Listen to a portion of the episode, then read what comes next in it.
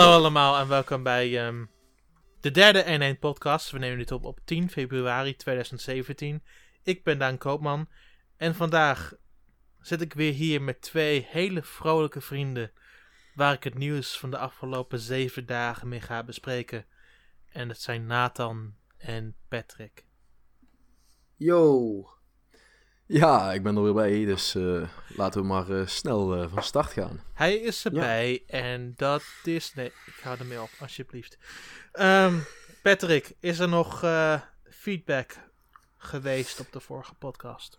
Ja, we hebben aardig, weer, weer aardig wat reacties gehad op eh, de tweede podcast. En eh, daarin eh, vraagt eh, Wessels of wij al terug te vinden zijn op iTunes.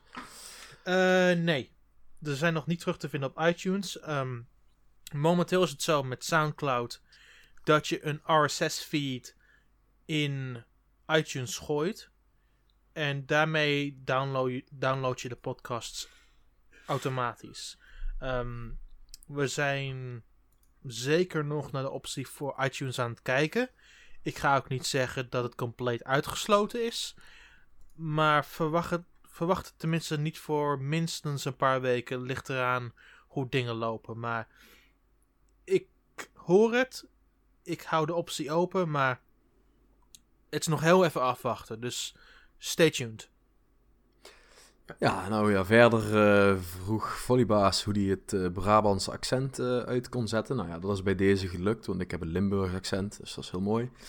Dang, Ehm, burn. Sna Snader eh, die eh, gaf aan dat eh, jouw microfoon een beetje blikkerig of slash holler eh, klonk, Daan. En ik weet dat jij daar ondertussen iets aan gedaan hebt. Maar volgens, Dus mij, is, volgens mij hoor je ook wel dat het iets beter klinkt. Ja, ja, zeker. Dus eh, dat is eh, bij deze opgelost. Eh, vroeg eh, of er nog een Twentenaar bij kwam. Nou ja, Daan is volgens mij een Twentenaar. Maar hey, Twente Burn. Dus eh, dat is ook al gelukt. Dus het gaat, eh, gaat helemaal goed komen eh, met al die dingen. En eh, tot slot eh, vroeg eh Jerome, of die, Jerome had nog een klein kritiekpuntje. Dat hij niet zo fan was van de lijpe intro en outro muziek. Nou, wat vinden we daarvan? Nou, met de outro is het zo dat we. Het ligt eraan wat we die week besproken hebben. Dus de muziek baseer ik op onze onderwerpen van de afgelopen week. Dus er zal waarschijnlijk iets van Wii U of van Switch er weer in zitten. Ehm, de intro muziek, dat is een beter discussiepunt. Want ik heb gewoon vanuit het niets gewoon een muziekje gekozen wat ik dacht het beste bij de podcast vond passen. En die gebruiken we nu voor een aantal weken. En ehm, ja, is er een andere. Is er een muziek van een andere game? Of iets in de Nintendo sfeer. Die misschien beter zou passen bij het opening van de podcast? Ik denk het wel. Maar misschien hebben deze twee er wel een goed idee over. Ja, goed, er zijn eh, best wel veel eh, Bitpop-artiesten. dat, wat- dat past eh, naar mijn mening altijd goed bij, eh, bij een dergelijke podcast, zoals eh, bijvoorbeeld een eh Kubi. Maar, eh, maar, maken ja, die, Jerome- maar maken die games muziek? Want ik wil echt iets specifiek over games eigenlijk. Nou ja, ja, kijk, wat is gamesmuziek? Kijk, ik, eh, ehm, ik luister eh, best graag naar Bitpop. En eh, daar hoor je inderdaad echt Ja, van ik, ook, maar we zijn niet, een- we zijn niet een eh, muziekpodcast. Dus Ja, nee, oké. maar goed, eh, Jerome, als je dus eh, eh, zelf een, een idee hebt voor een goede intro voor ons, dan kun je dat natuurlijk altijd heel eventjes bij ons melden. Dan kunnen we er altijd naar luisteren. nee, en de soundtrack van Devil's Third is niet toegestaan om te noemen. nou ja, dat, dat is in ieder geval ook duidelijk. Ja, die is, Dus, die is bij nou, deze al meteen uitgesloten. Ja, we, denk zelfs ik, het eh, beste onderdeel van dat spel mag niet in onze podcast. Nee, het, dit is een Devil's Third vrije zone. Ja, en, en nou heb je dat ondertussen toch alweer een aantal keren genoemd. En is er dus uitzendtijd aan, aan besteed. Dus nou ja, je doet de, de game eigenlijk al te veel eer toe. Ja. Dat is waar, maar je kunt hem ook voor 12 euro kopen des- deze dagen. Dus ehm, ga je gang en zie maar hoe dat, hoe dat aankomt. Ik ga je zeggen, je gaat geen leuke tijd hebben. Nou, yes. Devil's Nou, leuk, eh, leuk, leuk begin van de, deze derde podcast. En eh, nou ja, laten we maar eens eh, van start gaan met, eh, met het nieuws. Ja, ik denk dat je ook meteen mag beginnen, Patrick. Oh ja, dat is een goed idee. Ehm, ik heb deze week gekozen voor de nieuwe video's van One to Switch. Ah. Eh, er zijn nogal wat video's op de Japanse ehm, YouTube en dergelijke gekomen met eh, korte introductievideo's van eh, de 28 spellen die beschikbaar gaan komen. Yes, yes, yes. En eh, ik, ik heb echt in een deuk gelegen. Ik vind dat ze die video's sowieso echt bijzonder leuk gemaakt hebben. Met, ja, eigenlijk iedere keer met die twee gekke mensen die gek staan te doen. En die dan verkleed zijn Ehm, als even- een even- tovenaar. en, Even voor de goede orde. vechten. Even voor goede orde. Die video's zijn ook in het spel. Ja, dat, dat, eh, dat had ik al door. Dus eh, dat, eh, dat klopt. Dat, eh, dat was me wel al duidelijk van de presentatie van 13, als ik me niet vergis. Maar ja, ik, ik vond het gewoon wel... eh, ja, ja, ja, er zitten wel wat eh, hele interessante spelletjes bij, eh, om het maar zo te zeggen. Ik weet niet wat jullie ervan gezien hebben, maar wat vonden jullie daarvan? Ik Ehm, vind het allemaal een beetje overdreven, eerlijk gezegd. Ik vind het allemaal wel leuk, joh. Ik, ik het, is wel, het is wel leuk, maar het is echt super melig. en dat ik, heet enthousiasme, Nathan. ik, weet dat, Ja. ik weet dat heel veel mensen neerkijken op die spellen. En dat is helemaal prima. Maar oh mijn god, ben ik enthousiast voor One to Switch. En ben ik klaar om hele gekke dingen te doen met die game. Nou, dat, dat gaat wel goed komen als ik zo die eh, filmpjes kijk. Want, eh, nou goed, ik vind bijvoorbeeld eh, eigenlijk al die spelletjes met zwaardvechten en zo, dat, dat ziet er wel interessant uit. Maar ja, wat mij eigenlijk nog veel interessanter lijkt, dat is bijvoorbeeld dat spelletje met, met dat je een, eigenlijk de, dat de, de controller een, een bakje is en dat jij met behulp van de HD Rumble moet gaan bepalen of ja, moet gaan bedenken hoeveel balletjes zitten hier nou in. Hm, dat is een Ja, van de games. ja. Ja. dat is een van de games die ik ook in eh, Frankfurt heb gezien. En Ah, eh, dat is wel, eh, wel fijn. En werkte dat, eh, werkte dat goed? ja, het werkte helemaal prima. Ehm, het, het voelt raar in het begin, want het was ook meteen mijn eerste game met One to Switch. Ehm, maar je beweegt helemaal die controle rond, je begint helemaal te voelen. En dan zie je ook echt de, je voelt ook echt de kracht van HD Rumble, want je voelt ook echt het gevoel van balletjes die in dat doosje helemaal rond aan het bewegen zijn. En het voelt heel erg voortreffelijk gedaan. Nou, dat is, Ja, eh, dat is in ieder geval eh, goed om te horen. Mhm. Nee, ja, verder, voor de rest zaten er ook een aantal van die hele bizarre spelletjes bij. Zoals dat eh, lopen over de, de catwalk. En eh, even kijken, wat zat er nog meer? Nou met ja, die dat je baby. met die De baby. Oh mijn god. Echt, Oh. dat, dat kan echt alleen maar door Japanners bedacht worden, volgens mij. Ja, dat, eh, ik, de- de- de- Wat is nou eigenlijk het doel van die, van die minigame met die baby? De baby moet je rustig krijgen, dan rustig neerleggen en dan weglopen. Ja, zonder dat hij weer begint te krijsen. Ja. nou ja, geweldig concept. Voor iedereen die ooit bedacht heeft eh, om eh, kinderen te krijgen. eh, nou ja, hier kun je het in ieder geval uitproberen. Hey, at least gamers kunnen uitproberen wat het is om vader te zijn. Of moeder. Gaan we nou stereotyperend doen? En dan weten ze meteen of ze ervoor geschikt zijn, ja of te nee. Hoezo stereotyperend? Het, is een beetje als dat. eh, als we wat die promoties hier in Nederland hebben gedaan met het leger. Be- ben je er geschikt voor? We gaan erachter komen. Maar leg eens Ja, uit, precies. eh, Nathan. Stereotyperend. Wat bedoel je daar precies mee? nou, ik vind het een beetje zo overkomen van... Ja, gamers, dat zijn een stel nerds die op een zolderkamer zitten en eh, geen leven hebben. Maar goed, maakt niet Nee, ik zeg Dat- gewoon maar gamers dat- in het algemeen. Er zijn heel veel gamers die waarschijnlijk nog geen kinderen hebben hoor. Er maar, zijn dat ook ben een je, hele... maar dat ben jij toch ook, Nathan? Ehm, la- laten we door, doorgaan van deze discussie. Ehm, ik, maar, ik, ehm, ik hoop dat ik de uitzondering ben, eerlijk gezegd. nee, je bent, ook, je andere bent ook een gammer. En je bent een professionele e-sports gammer. Anyway. Er waren ook eh minigames bij, zoals Lie Your Dice. Die vond ik wel super interessant. Ah. Waar je de Joy-Con helemaal op en neer beweegt. Dan goed neerlegt. En als je dat allebei hebt neergezet, dan voelt de tegenstander hoe, wat je precies gegooid hebt. En dan moet je proberen te bluffen. Zodat de ander opnieuw gaat rollen. En misschien wel een veel lager cijfer heeft dan voorheen. Ja. Wat Ja, ik, ik, eh, ik vond dat, eh, ik vond dat eh, de meest tegenvallende trailer die ik gezien heb. Omdat ik eh, namelijk ook het spelletje Liar's Dice echt ken. Dat eh, heb ik, eh, speel ik regelmatig in de kroeg eh, met wat maten. En eh, ja, toen ik, dit, eh, toen ik de na- benaming zag, eh, toen dacht ik van... Oh, gaan we dus eh, Liar's Dice eh, voortaan eh, via de Switch spelen als we in de kroeg zitten. Maar ja, dan blijkt het toch eigenlijk totaal iets anders te zijn. En dat, dat, vind ik, eh, dat vond ik wel jammer eigenlijk. Maar het, Het kan ook best zijn spelletje- dat de Europese naam heel erg anders is, want dit zijn wel gebaseerd op de Japanse namen. Nou ja, oké, goed. Nou, dat, eh, nou, ja, dat, dat was in ieder geval mijn eerste reactie daarop. Want uh, Yes. Dice is gewoon echt een heel leuk spelletje waar je elkaar inderdaad flink bij voor de gek moet houden. Maar eh, Ik, Ja, ik denk ik- dat je dat ook wat- wel met dit spel kan doen. Ik vind het wel een leuk idee eigenlijk. Ehm, Ja. Nee, nee, ja, het idee zelf is goed. Alleen als je Liars... Ja, ik las Liars Dice en als het dan niet Liars Dice is, dan is dat wel jammer. Want ik had gehoopt dat je Ja. dit dus ook met, eh, bijvoorbeeld met, eh, met meerdere mensen kon doen. Als je bijvoorbeeld eh, vijf of zes controllers hebt, dat je dan gewoon met zes man dit kunt doen. Want ja, Liars Dice is een spelletje, dat kun je in principe met oneindig veel mensen doen. ja, ja. Dus eh, ja, nou Praten over eh, oneindig mensen. Je kunt ook games zoals Soda met zoveel mensen spelen als je wil. Waar je, Ja, dat... eh, waar je de Joy-Con op en neer beweegt en dan doorgeeft. Zonder dat Ja, dat- de kurk er vanaf vliegt. Ja. Ja, ik ben wel benieuwd eh, hoe, dat, eh, hoe dat gaat zijn. En ik vond ook die ene, eh, die, die- die- komt me nu ineens te binnen, dat je een bordje op een dingetje moet houden. En dat je dan elkaar een beetje moet, moet duwen en zo. Dat, dat kan echt alleen maar fout gaan. Ja, Ja. dat, dat, voelt heel erg gebaseerd op Joust. En Joust is een game die eerder al op de PlayStation 4 verschenen is. Maar het gebruikt de PlayStation Move controllers. En de doel daar was om de controller rechtop te houden.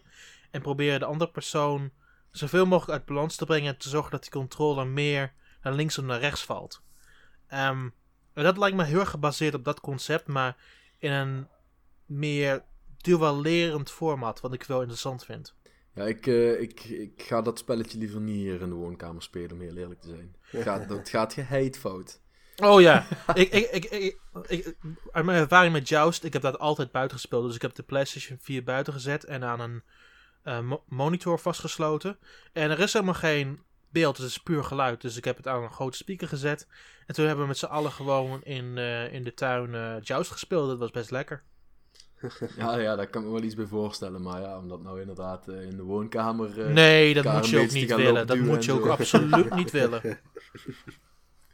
Dus ja, nou goed, dat gaan we meemaken. Dus ja, ik vond het op zich... ehm, was eh, voor eh, de launch game eh, One to Switch wel een hele goede week eh, de afgelopen weken. En eh, ja, ik, ik hoop eh, dat, eh, dat mensen daar ook de meerwaarde van gaan zien. Want eh, het is in ieder geval een mooie showcase van wat de HD Rumble eh, gaat doen. Ja, En, ja. ja, dat, dat vind ik ook gewoon heel sterk. Kijk, Nintendo eh, probeert eh, ook weer met de Switch innovatief te zijn.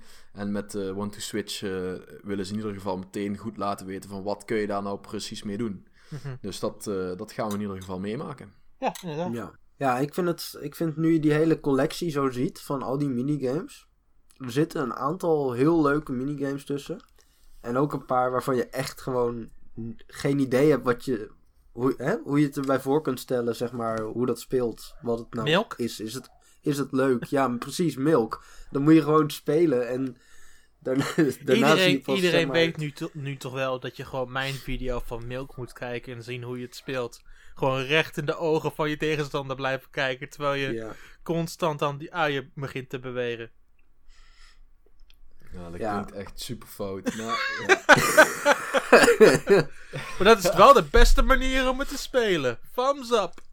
Ja, Nee, maar ja. ik bedoel meer van dat mensen niet zo goed eh, weten van of ze dat wel willen spelen. Die denken vaak van ja, eh, leuk en grappig, maar hier ga ik geen, eh, geen volwaardig spel voor kopen, zeg maar.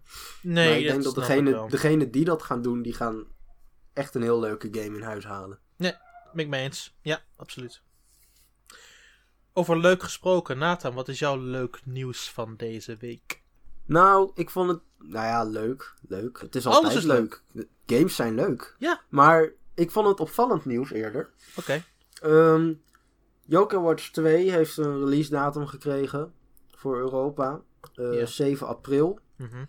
En ehm, de game die eh, gaat eh, in het Nederlands Yokai Watch 2 Skeletspoken en Yokai Watch 2 Gigageesten heten. Oké. En dat vind ik eh, opvallend, want dat houdt in dat ze die game dus waarschijnlijk in het Nederlands ook gaan uitbrengen. Terwijl Hmm. die eerste game niet in het Nederlands eh, verkrijgbaar was. Dat zit er wel dik En- in, ja. En eh, wat ik daar wel, nou ja, het is niet alleen opvallend, maar ik vind het ook wel goed. Want het houdt eigenlijk in dat, dat Yokai Watch wat breder publiek krijgt. Mhm.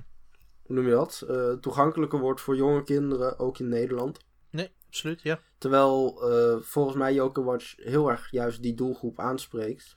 Nog Ja. meer dan Pokémon bijvoorbeeld. Mhm. Dus Ja, dat- eh, dat- dat, vind, ik een opvallende stap. Het is, dat is zeker waar. Ehm, als je kijkt naar de anime die momenteel te zien is. ehm, ik heb het idee dat heel veel kinderen daar naar kijken. Want ik heb het wel met mijn jongere neefjes over gehad. En die vinden dat helemaal fantastisch.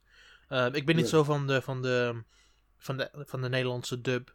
Ehm, ik heb meer van de Engelse dub gezien dan de Nederlandse. Maar alsnog, het ziet er eh, helemaal prima uit. Ehm, men, ze genieten ervan.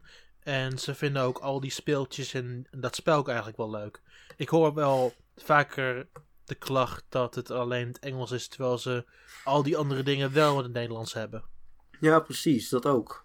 Maar bij Mhm. Pokémon heb je dat ook. Dat eh, de anime eh, ook in het Nederlands is. Ook op van die, van die kinderkanalen. Ja, En de games alleen in het Engels. Maar dat wordt geaccepteerd, want het is Pokémon. Dat bestaat al 20 jaar. En oh, ook het, de het, is niet, fans. het is niet zo alsof ze op andere momenten geprobeerd hebben een grote Nederlandse publiek aan te trekken hoor. Ehm, de originele Pokémon kaarten, de originele sets waren ook in het Ja. Nederlands. Met alle, met alle aanvallen, met gewoon met een Nederlandse vertaling. Ehm, Ja, Dus ze hebben het absoluut geprobeerd. Maar ik denk dat, ehm, dat Pokémon op dit moment toch een grotere doelgroep aanspreekt. Dat het eigenlijk niet zoveel meer uitmaakt. nee, precies, daarom. En, en Yokai Watch heeft het nog wel nodig. Ja. En daarom vind ik het goed dat ze dit doen. Nee, ja, gelijk. Nou, weet je, het, het niveau van Engels is in Nederland ook gewoon heel erg hoog. Want, Ja, eh, maar niet tegen- onder kinderen van acht. Nee, ja, vooruit. Maar toch, toen, eh, toen wij eh 8, 9, 10, toen ik 8, 9, 10 jaar was, toen speelde ik ook Pokémon Rood eh, of Pokémon Blauw of weet ik veel welke van de Pokémons ik toen speelde. Eh, in het Engels. En dat ging, dat Mhm. ging me ook goed af. Dus eh, eh, weet je, het, het, Zeker, zeker. het, Bij mij ook. Maar het is toch het- drempelverlagend, hè? Als het Ja, zo'n ja, game nee, in het ja, Nederlands dat- te dat- spelen is. Dat sowieso. En ja, goed, blijkbaar heeft de game het heel goed gedaan hier. Maar ja, goed, het is natuurlijk nog steeds niet bevestigd dat die eh, ook daadwerkelijk in het Nederlands speelbaar gaat zijn. Eh Ja, maar dat dat het vind ik- gewoon alleen... Ik vind het als, als zou dat wel heel raar vinden dat als ze een Nederlandse Ja. subtitel hebben en dan niet in het Nederlands gaan vertalen. Ja, de hele, de, hele, de hele selectie van talen is nog niet bekend. Maar ik ga er wel vanuit dat het gewoon in het Nederlands speelbaar zal zijn. Nee, ik ook. Nee, maar ik, ik, had, het er, ik had het er laatst ook nog over met eh, een vriend op Twitter. Die werkt bij een Game Mania. En die zei ook dat bij die 3DS-games. Dat eh, mensen heel vaak afhaken als het niet in het Nederlands te spelen is. Omdat ze dus aan eh, kinderen geven. En ze waarschijnlijk denken dat dat eh, afdoet aan de speelervaring. En dat begrijp ik wel. Ja. Nee, ik, ik snap, snap dat volledig ook. Ik snap waarom eh, kinderen liever Nederlands willen spreken dan het Engels. Want Nederlands voelt voor hun een stuk natuurlijker op die leeftijd. En dan wil je gewoon je game volledig kunnen ervaren op, ervaren op de manier zoals jij dat wil. Ehm, Precies. maar ik snap nog steeds ook dat er ook een doelgroep is die dat voor hen helemaal niet zoveel uitmaakt. Ehm, maar die Ja. is wel steeds kleiner geworden. Zeker in de afgelopen paar jaar. Zeker, zeker. En eh, Nintendo had ook bekendgemaakt dat in Europa Yokai Watch relatief gezien populairder was dan eh, in Japan destijds. Ja, dat, daar hebben we Dus vorige het, week eh, over gehad. Ja. Yep, dus het rechtvaardigt blijkbaar de kosten van lokalisatie ook. Dus dat is alleen maar goed nieuws. Mhm. Dat, dat is hetzelfde situatie als met, toen met Tomodachi Live. Ehm, oorspronkelijk was dat spel niet in het Nederlands. Maar toen hebben ze dat later wel gedaan, omdat er gewoon genoeg animo voor was. Dus ik denk dat Ja. precies hetzelfde is gebeurd met Yokai Watch. Ja, precies. En als ze het nou voor het vervolg eh, erin doen. Dat, dat lijkt er Ja. inderdaad wel op, ja. Fijn voor de Nederlandse kinderen. Zeker. Ja, en ook fijn voor eh, Nintendo en Level 5, want hun merk wordt daarbij wel eh, toegankelijker. Dus eh, alleen maar positief. Helemaal, ja. Ik wilde nog even snel praten over ehm, de QA-session dat eh, die Nintendo heeft gehouden na de investors meeting een paar dagen geleden. Want die is eindelijk ook in het Engels verschenen. En daarin heeft Nintendo gepraat over de prioriteiten during, tijdens het maken van de Nintendo Switch. En wat hun ideeën zijn voor software en hoe ze third parties aan zich kunnen binden. Ehm, en ik vond er wel een paar interessante dingen in. Uh, in het bijzonder van uh, Takeda. Dat was de, de man die verantwoordelijk is voor alle technologie bij Nintendo. Ja, zeg maar de Miyamoto van de hardware bij Nintendo. Ja, ja, ja. Um, en die wil echt, die wil echt high performance, but low power consumption met, met Switch. Um, hij, hij noemde PC als een, als een groot ding om games te spelen, vooral buiten Japan. En hun topprioriteit met Nintendo Switch was Nvidia's GeForce technologie naar een console brengen in de westerse markt. En dat vond ik een hele interessante quote, want je ziet PlayStation of Xbox nooit praten over hoe ze zulke doelen kunnen bereiken. Maar het is duidelijk dat Nintendo hierover na heeft gedacht. En wat ze willen, willen doen is een meer westers publiek aantrekken met de Switch. En ik denk dat ze dat ook al deels gelukt zijn met hoe de hardware eruit ziet. Maar ik vind het ook wel slim over hoe ze over de hardware in zijn algemeen nadenken. ik, uh, ik vond het ook opvallend. Nou ja, ze zijn natuurlijk al uh, redelijk open geweest met hun samenwerking met Nvidia. Mm En uh, in China gaan ze nu ook samenwerken. Dus het is duidelijk dat, dat Nintendo en Nvidia dikke vriendjes zijn. Maar ik vind het, ik vind het een, een goede move dat ze het gedaan hebben. Want in het verleden had Nintendo haar eigen technologie. En er werd altijd geklaagd door third parties over hoe het anders was dan de andere consoles. En mm telkens maar weer apart voor moest uh, worden ontwikkeld. En nou gebruiken ze eigenlijk gewoon technologie die al voor PC beschikbaar is. Ja. Waardoor het, uh, het porten van games relatief kort zal duren. Ja, ik vond het, over dat stukje vond ik wel weer heel bijzonder dat uh, Miyamoto ergens zegt van ja, het moet in ieder geval minder dan een jaar duren om een PC-game naar de Nintendo Switch te porten. Dan heb ik zoiets van een jaar? Wat? Uh, ik neem aan dat je toch wel iets korter bedoelt uh, dan Nee, een nee, jaar, nee. Want, wat, je, wat je vaak ziet is dat alle, hoe noem je dat, alle versies van games op een gegeven moment parallel van elkaar gemaakt worden. Het is echt niet zo dat de, dat de Xbox One versie van een PlayStation 4 game binnen twee dagen af is. Ook al verschijnt het tegelijkertijd. Nee, ja, dat snap ik. Maar een jaar vind ik wel bijzonder lang Nee, voor mijn gevoel. Nee, dat valt best wel mee.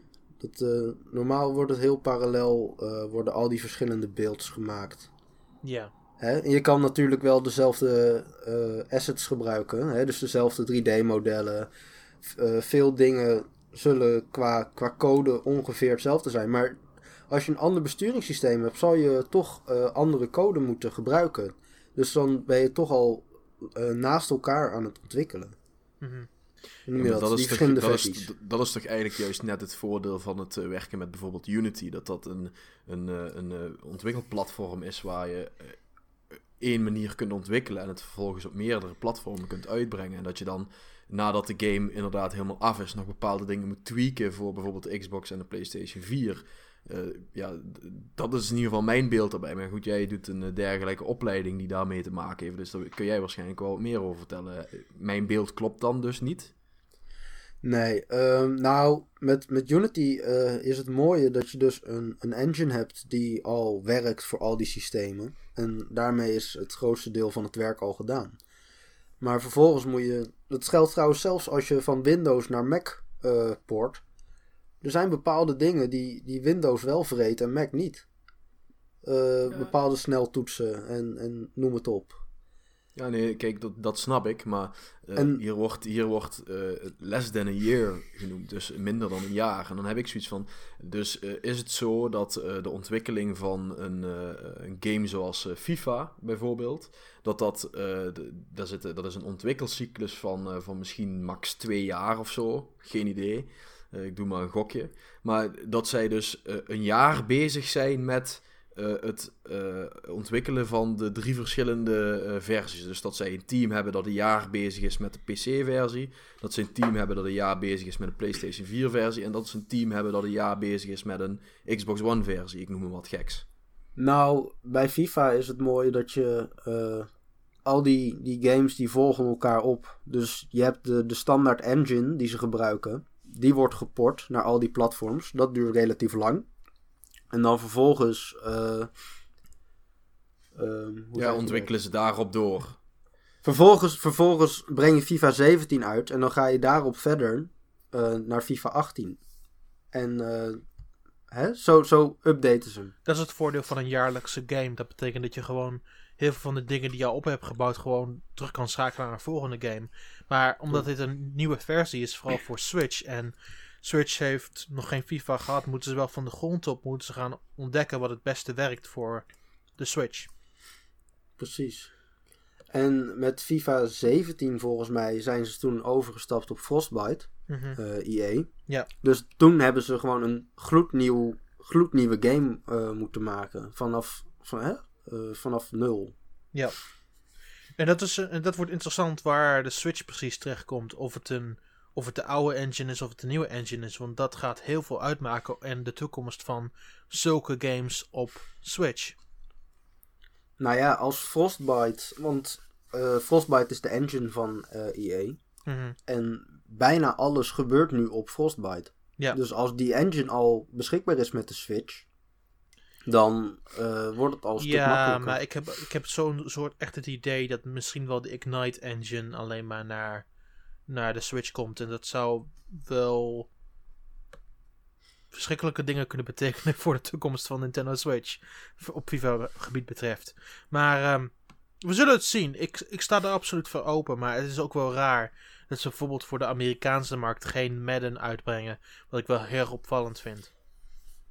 Ja, het is, het is jammer. Maar de Frostbite engine die eh, zit nog niet onder de engines die de Switch ondersteunen op dit moment, toch?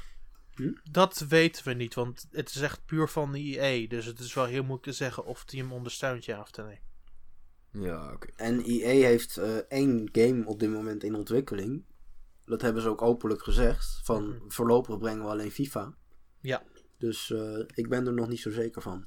Maar bijvoorbeeld bij, eh, bij Sumo Digital, die hebben toen Snakes eh, eh, aangekondigd eh, voor de Switch. Mhm. Die, die, hè, die ene game. Ja. En die zeiden dat ze de Switch-versie eh, binnen een week klaar hadden. Hoe noem je dat? Eh up and running. Report hadden. Ja, dat is met Unreal. Dus toen, toen, heeft, toen heeft Epic Games heeft, eh, die engine dus al geport. Dat heeft waarschijnlijk best wel lang geduurd. Oh, ik ga er absoluut vanuit dat het porten van een engine niet gemakkelijk is hoor. En dan vervolgens, zeg maar, wat, wat ze er bovenop gebouwd hebben, dat hebben ze binnen een week op de Switch kunnen, kunnen laten runnen. Dat is wel En heel dat, kijk, dat is gruwelijk snel. Kijk, kijk, en dat bedoel ik dus. Kijk, dat, dat, dat soort dingen, dat lees ik dan ook. En dan snap ik dus zo'n uitspraak van een jaar niet. Want ja, in dit geval gaat het dus in tien dagen blijkbaar. Ja, goed, dat... Het ligt ook, ik denk dat het ook wel een beetje ligt aan de engine. Als het de Unity is of nu ook ehm, Unreal, dan we zullen wel vast wel oké zijn. Maar ik denk in andere gevallen, waar het iets zoals Game Maker of iets anders wat nog niet officieel Switch ondersteunt, dan gaat het inderdaad nog wel een hele tijd duren voordat we zulke games gaan zien hoor. Ja. Ja goed, er moet er dus gewoon één partij zijn die die engine in principe geschikt maakt voor de Switch. En, en dat vervolgens ook wil delen met de rest van de wereld. Of begrijp ik dat dan verkeerd? Dat, Ja, maar ja, heel zo veel- zit het wel eh, in principe wel in elkaar, ja. Heel veel bedrijven hebben hun eigen engine. En die moeten ze dus zelf ook porten. Ja, we zullen het zien. Ehm, wat ik nog meer interessant vond over die hele, over alle quotes die ze eigenlijk hier zeiden, is ehm, dat Miyamoto bijvoorbeeld zegt dat ze heel erg nu de jonge generatie, zeg maar, de taken op zich laten nemen. Want ehm, ze willen dat ze unieke dingen gaan creëren. En dat, zien, dat zeggen ze bijvoorbeeld, dat zien we met Breath of the Wild. En dat gaan we in de toekomst zien met de toekomstige games die we nog gaan, nog gaan uitbrengen voor Switch. En die we gaan aankondigen en die we gaan promoten. Maar Breath of the Wild zou de, het primaire voorbeeld van zijn hoe wij nieuw leven brengen in onze bestaande franchises. Nou, als Ja. ze dan ook heel eventjes eh, Advance Wars eh, terugbrengen, dan ben ik eh, helemaal... eh, Ja, ik, weet je wat? ik ben heel eerlijk. vinden. Ik, ik- als ik heel eerlijk ben, ik denk dat Advanced Wars dood is. ja, Zou het? Want Fire Emblem, Fire Emblem is te populair geworden. Is Ja. niet goed. Ik, ik, ik denk, het is dezelfde situatie als een beetje met Mario Luigi en Paper Mario. Ze hebben geen twee RPG, RPG met Mario's nodig. En Intelligent Systems heeft geen twee strategy franchises nodig. Tja, tja, tja, tja. En dat is best wel zuur. Ik geef dat 100% toe, want ik vind Advance Wars ook best wel leuk. Maar ik snap het wel.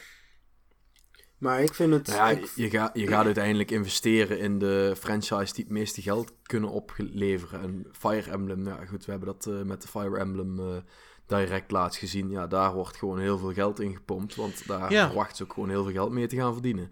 Dus ja, dat, dat is, eh, Nintendo blijft gewoon een bedrijf met aandeelhouders dat winst moet maken en de aandeelhouders tevreden moet houden. Dus dat gaat ze waarschijnlijk veel beter lukken door heel veel tijd en geld te investeren in Fire Emblem dan in eh, Advance Wars. Maar ja, goed, hey, als ze hier zeggen van eh, we gaan eh, onze franchises nieuw leven inblazen, dan vind ik dat Advance Wars er ook wel bij mag horen.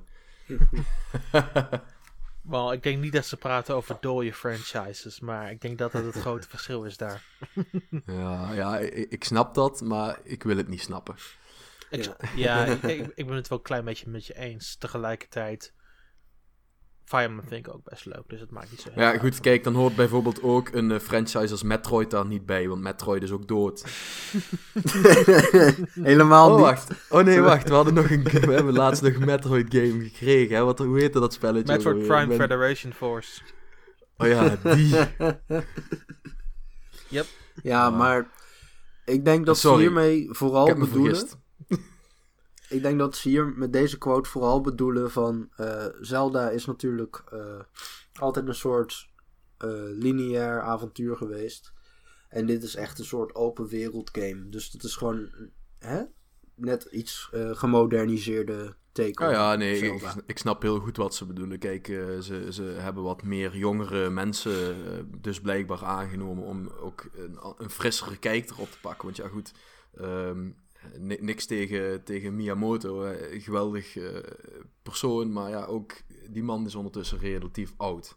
Dus ja, dat je op een gegeven moment een keer nieuw bloed eh, binnen het bedrijf eh, ja, probeert aan te nemen en daar iets van probeert te maken. Nou ja, goed, dat, dat, dat hele goede dingen oplevert, dat is bijvoorbeeld bewezen met Splatoon. Dat is volgens mij ook een hele jonge ontwikkel, Ja. dat is een heel jong ontwikkelteam.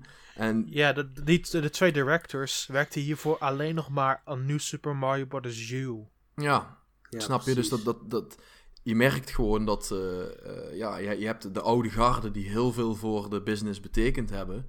En ja, je hebt nu langzamerhand ook de nieuwere garde die in ieder geval met Splatoon zichzelf al bewezen heeft. En ja, met een dergelijke uitspraak zegt Miyamoto, naar mijn mening, dat ze dat de komende jaren meer willen gaan laten doen. Dat inderdaad de jonge, frisse mensen ook de kans geboden wordt om bijvoorbeeld een nieuwe Miyamoto te worden, om maar iets geks te noemen. Dus eh, Ja, precies. En je ziet het nu ook al een beetje met ARMS. Ja, ook Arms is, is ook heeft ook heel dat, fris. stel- dat stijltje. Het, is, eh, het ziet er goed Ja. uit ook. Dus. ja, ja. En ik, ik vind eigenlijk dat eh, Super Mario Odyssey ook wel eh, in dit rijtje kan worden genoemd. Ja, maar Ko- Koizumi is op zich nog wel redelijk jong op zich met de andere oude garde van Nintendo. Dus die kan, maar dat, soort dingen meer- die, die kan dat soort dingen nog wel, nog wel zien dat er verandering wel eens een keer nodig is. Die Koizumi is ook bijna 50 inmiddels. Maar eh, Hij is nog, tenminste nog niet de oudste van het hele stel. nee, maar ik bedoel meer met eh, Super Mario Odyssey. Er zitten een hoop dingen in die we gezien hebben bij Super Mario 64, bij Super Mario Sunshine. Ja. Maar eh, die nu teruggehaald worden. Maar eh, ook een aantal nieuwe dingen. Zoals het feit dat er al een, een setting is met een, een stad met mensen erin. Eh, dat is iets wat je tien jaar geleden. Dat was echt gewoon no chance. Nou, als je kijkt naar het originele concept van Super Mario Sunshine, is daar nog wel wat op te zeggen. Ja, oké. Nou, maar ik heb toen die, eh, die analysis van GameXplain eh bijvoorbeeld doorgekeken. 80 Mhm. minuten, wat een zit. Iedereen kijken, het is echt, echt waard. Tenzij je spoilers eh, wil vermijden. Maar Ja. dan, denk je, dan, dan merk je toch hoeveel dingen ze opmerken die gewoon nieuw zijn. Denk ik van, ja, dit, dit heeft ook toch wel weer invloeden van wat net iets minder oud. Ja. En wat net iets meer nieuw, zeg maar. Hm. Nee, ik, ik ben het daar met je eens. Absoluut. Ik zie die invloeden tenminste terugkomen, laat ik het zo zeggen. Ik denk dat ehm, gezien ze de jongere generatie aan het voortrekken zijn, dat we wel een hele. dat we een paar interessante jaren tegemoet gaan. Want ik denk dat ze. Ik denk dat hun ogen wel heel geopend zijn na het succes van Splatoon. Dat denk ik ook. Ik denk dat dat, eh, dat, dat ook de reden is waarom een Miyamoto op dit moment zo'n uitspraak doet. Want ja, die hebben zich eh, met Splatoon gewoon ontzettend eh, bewezen. En ja, goed. ze hebben daarmee toch eigenlijk weer een nieuwe IP van, voor Nintendo gecreëerd. En dat is ook wel wat waard.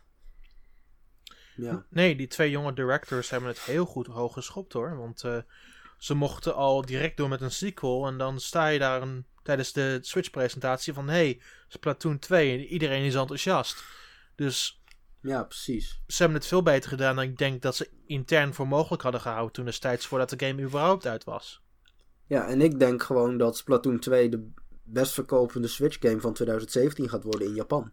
Ik, in Japan? Ja, absoluut. Ja, want 3D Mario verkoopt daar voor een 1 centimeter. Dus daar ga ik. Precies. Dan geef ik je 100% gelijk. um, en Zelda dan? De enige. De, Zelda verkoopt daar ook niet zo geweldig. Ik denk, de, ik, denk de, ik, denk de enige game die daar redelijk in die buurt kan komen is, Hyrule, is Fire Emblem Warriors. Ja, Fire Emblem want die is mensen, heel groot inderdaad in eh, Japan. Want, want, ze, want ze zijn groot aan Warriors en ze zijn groot op Fire Emblem. Die combinatie is goud waard daar. Ja. dus Wat ik, trouwens hm? ook nog een mooi voorbeeld vond van uh, een franchise die gecreëerd is door jonge mensen. Ja. Denk ik tenminste, is Animal Crossing. Deels. Het is ook wel door, door wat ouder garde gemaakt hoor. Ik weet niet, ik zie daar die directors in ieder geval. Uh, zeg maar oh ja, de, de, de, New Leaf directors. De New Leaf directors, dat zijn nieuwe mensen. Die waren. Daar hebben ze specifiek voor gekozen omdat ze een groter, grote palet aan feestdagen en mogelijkheden wilden. Um, ja, maar ook bij die originele game, als ik nou kijk naar. Uh, ik kijk gewoon even op Wikipedia, wie zijn die directors? En dan uh, die Eguchi, die nog steeds bij Animal Crossing in dat team zit. Die oh, Iguchi, 35. Iguchi zit niet meer in dat team. Maar die is nu. Die is gewoon echt een softwareleider geworden. Um, maar. Hmm. Iguchi is wel heel belangrijk geweest voor een aantal jaar. Voor de directie die Nintendo had genomen. Um, vooral als je kijkt naar Animal Crossing, daarna met dingen zoals Wii Sports en Wii Sports Resort, denk ik dat hij wel hele goede dingen heeft gedaan tijdens de afgelopen paar generaties. Maar we moeten ook niet vergeten dat hij de leider was voor alle software voor Wii U. En dat heeft ook niet zo, zulke, altijd zulke goede dingen gebracht. Ai, burn. Nee. Nee, maar ik bedoel meer van toen de eerste Animal Crossing verscheen. Toen was die vent 35. En Volgens mij was hij uh, wel een van de mensen die het verzonnen had ook. Dus ja, hij was, wel een van de bedenkers, absoluut. Dus ook relatief jong binnen mhm. dat bedrijf. Ja. Maar goed. dat gezegd hebbende over de Wii U. De Wii U loopt op zijn einde. Ja. En wanneer Zelda uit is, is het echt officieel voorbij. Um, en de Wii U heeft ons mooie momenten gebracht en minder mooie momenten. Maar ik denk ook dat het tijd is om terug te kijken op wat de Wii U ons heeft nagelaten. Dat lijkt me een uh, goed plan. En dat is ook onze hoofddiscussie van vanavond. Dus het is een fantastisch bruggetje naar onze discussie genaamd Het einde van Wii U. De Wii U is over ongeveer drie weken op zijn einde. En um, we gaan praten over wat het ons heeft gebracht, wat het heeft opgeleverd, zijn de nalatenschap, de dingen die het absoluut beter had kunnen doen. Um, om te beginnen was er natuurlijk de allereerste aankondiging. Dat was nog een goed anderhalf jaar voordat hij überhaupt uit was. En dat was tijdens E3 2011. Um, Patrick, jij had nog nooit die trailer gezien? Nee, dat klopt. Ik uh, was. Uh... Voor jou, dat was, voor jou, dit was de allereerste keer dat je ooit de concept trailer van de Wii U Gamepad of de Wii U in het algemeen hebt gezien. Ja, ja dat klopt. So, dus uh, wat zijn jouw impressies daarvan? Ja, nou, ik was uh, toen door tijd eigenlijk helemaal niet bezig met, uh, met game nieuws en dergelijke. Ik was toen gewoon in een ander stadium van mijn leven, vooral met het afronden van school en dergelijke, bezig. Dus ik heb ook pas later de Wii U eigenlijk opgepakt en daar dingen van gehoord. Nou goed, dat ging in ieder geval niet goed. Maar nu ik die uh, concept trailer gezien heb, uh, daar vielen me wel een aantal dingen in op die ik eigenlijk nooit zo heb teruggezien zoals dat ze daarin zaten. Zo, uh, zag ik eh, bijvoorbeeld een of ander eh, pistoolding waar je dan de gamepad opzet, eh, waar je dan mee kunt schieten. Ja, dat zegt me echt helemaal niks. Ik heb het nooit gezien. Geen idee of dat eh, misschien wel in Japan of zo is uitgekomen. Ik verwacht het niet. nee, maar- nooit. Ah, helemaal nooit. Ah, Ze hebben nooit die tweede scherm gebruikt voor dat soort dingen, wat wel een teleurstelling is eigenlijk. Ja, ja, daar, daar, zit- Ja. daar zitten gewoon een aantal dingen in dat ik zoiets heb van ja, maar dat, dat op zich prima concept, maar het is volgens mij nooit echt eh, tot uiting gekomen. En dat, eh, dat is dan, eh, ja, of dat jammer is of niet, ik moet zeggen dat ik die dingen niet echt mis. Maar ja, goed, het, het had toch wel weer net, eh, net iets eh, unieks kunnen bieden, wat het nou eigenlijk no- nog steeds bood, naar mijn mening. Want ik blijf het concept van, van de gamepad, vind ik gewoon een goed concept blijven. Oh, absoluut. dat je ja. inderdaad, ja goed, je bent thuis, je hebt de hele familie op de bank zitten, die zijn televisie aan het kijken. Dus jij kunt niet op de televisie gamen. Eh, nou, bij de Wii U kan dat altijd, want, of ja, altijd, maar er zijn in ieder geval heel veel games die je op de Wii U gamepad gewoon helemaal kunt spelen. Dus nou ja, goed, je gaat lekker ook op de bank zitten, pak de gamepad en je gaat meteen vooruit met het spel. Dus dat concept, dat blijf ik echt, echt goed vinden.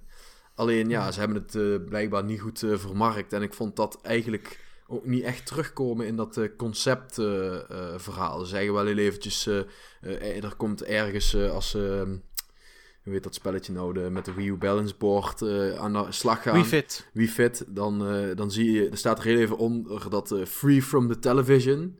Maar daar zat ook helemaal geen focus op, terwijl dat, naar mijn mening, echt het sterke punt van de Wii U was. Dus ik, ik, ik snap, ik snap de, de concepttrailer wat dat betreft niet helemaal. het richt zich, naar mijn mening, niet op de sterke punten van de Wii U. Of in ieder geval wat het uiteindelijk de sterke punten van de Wii U zijn geworden.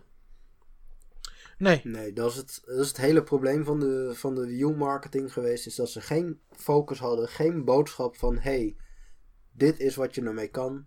Er worden een heleboel dingen getoond en uiteindelijk weet je niet meer waar je moet kijken. ja, ik vond dat ze een aantal dingen zijn ook pas veel later teruggekomen, zoals het concept met, de, met baseball en met golf. Dat leek me toen destijds in 2011 leek me dat hele interessante ideeën. Maar toen kregen we het pas veel later op ons bord geschoten. En het was uiteindelijk gewoon een remake van de originele Wii Sports. Ik- Terwijl ze daar veel, veel meer en meer en beter hadden kunnen doen. Ah, ik heb wel eens die, eh, eh, die sportgames, die kon je een tijdje eh, uitproberen. En ik vond dat golf vond ik toch wel heel bijzonder.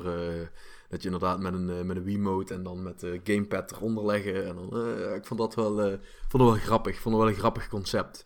Maar eh, een van de dingen die eh, mij ook opviel uit die concept trailer is eh, Zelda. Daar zit de, de, die, eh, die eh, eh, tech demo Ja. van Zelda zit erin. Dus iedereen verwacht natuurlijk, hey, er komt een nieuwe Zelda aan. En die hebben we nu nog steeds niet. Dat is toch gewoon eigenlijk, dat is eigenlijk Ja. toch gewoon super bizar. Dat ze de Wii U hebben aangekondigd met een Zelda game. En dat die Zelda game nu als allerlaatste game van de Wii U naar de Wii U gaat komen. Dat is echt... Nou, je verkijkt je er een beetje op, want het is eigenlijk gewoon een soort tech demo. Ja, nee, dat is zeker een tech demo. Maar ja, goed, als jij in de, als toen- je in de grote aankondiging van een nieuwe console een tech demo van Zelda stopt, dan verwacht iedereen dat er een nieuwe Zelda aankomt. En die kwam Ja, er ook maar ze hebben, nooit ex- ze hebben nooit expliciet gezegd... we zijn bezig met een Zelda-game. Ja. Dat duurde tot In de E3 interviews, in de 2014 interviews daarna, je kunt het wel zeggen Nathan, maar in de interviews daarna zeiden ze dat wel. Ja, En toen be- bevestigden ze het ook nog eens een keer een jaar later en ook nog eens een keer in januari 2013. die, die tech demo, die was gewoon super vet. Dat was gewoon... Ja, dat ziet er gewoon goed uit, zag er Ja. gelikt uit. Dat stoppen ze in die trailer, dan, ga, dan verwachten mensen dat jij met een Zelda komt. En die Zelda is nooit gekomen, wat mij betreft. Want ook de Breath of the Wild, het komt nu wel, maar ja, weet je, dat is voor de Wii U eigenlijk Ja, te het is laat. iets totaal anders. Eh, de- Nee, Ja, en het ziet er ook anders uit. dat, daarvoor was het een tech demo. Dus dat, dat is ook wel. Dat hebben ze er ook wel bij gezegd. Dat het een, eh, een, eh, een eerste ja, kijk op wat, wat met de Wii U kon was. Maar ja. ja. weet je, dat, ze zeggen dan wel daarmee van ja, we zijn met een nieuwe Zelda bezig. En dat die nu na eh, zes jaar, zes jaar later, dus eh, pas uitkomt. Ja, dat is eh, redelijk cru te noemen als we daar heel eventjes eh, op terugdenken. Ja, absoluut.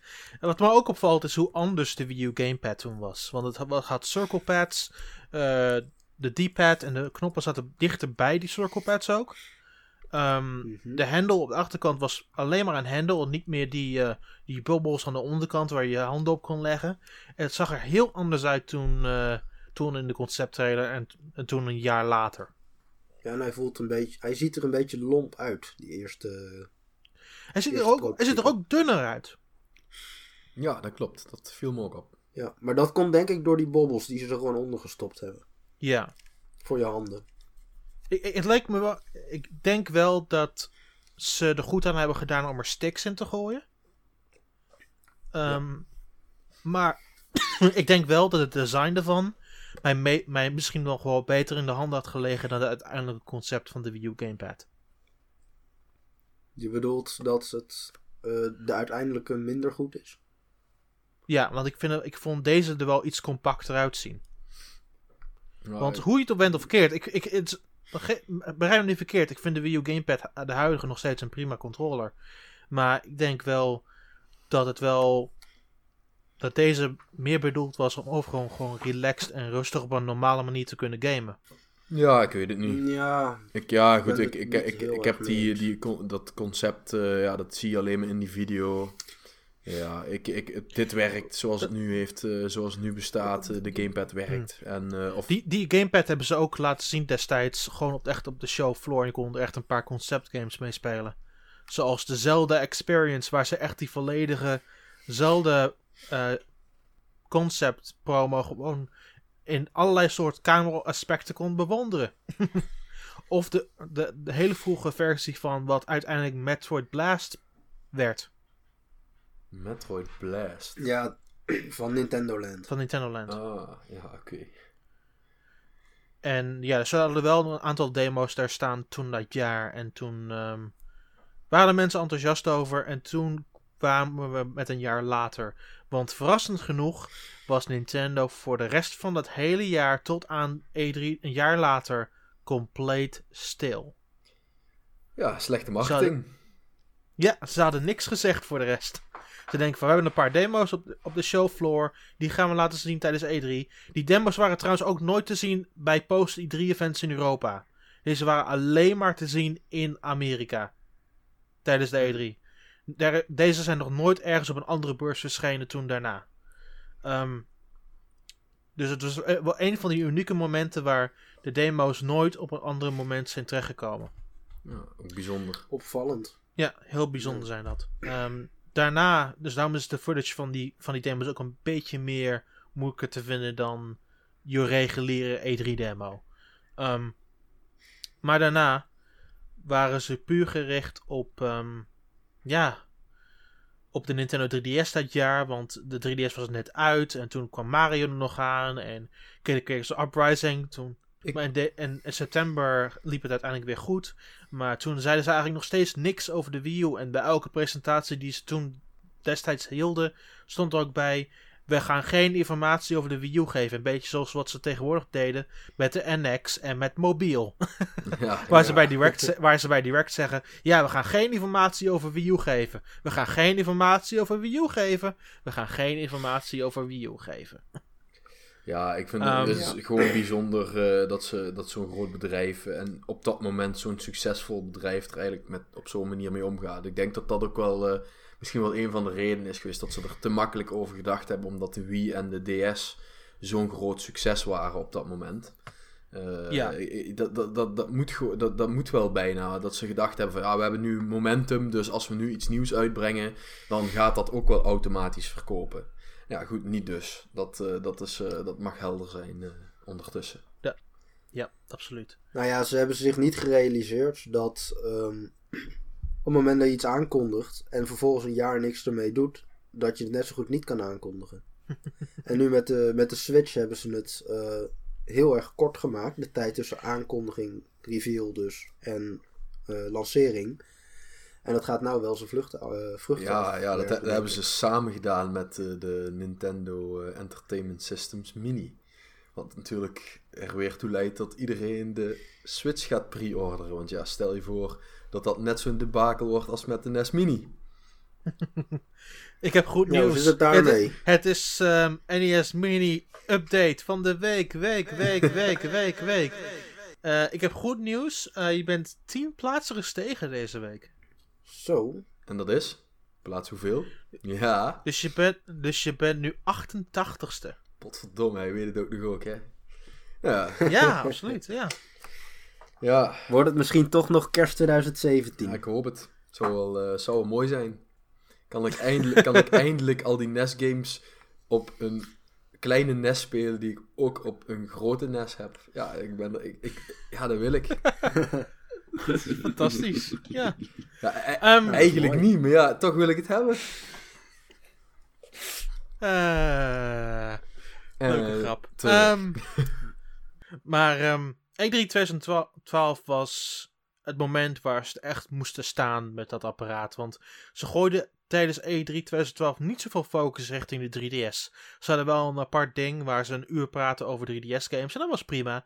Maar hun hoofdpresentatie tijdens E3 was puur gefocust op games voor, voor de Wii U.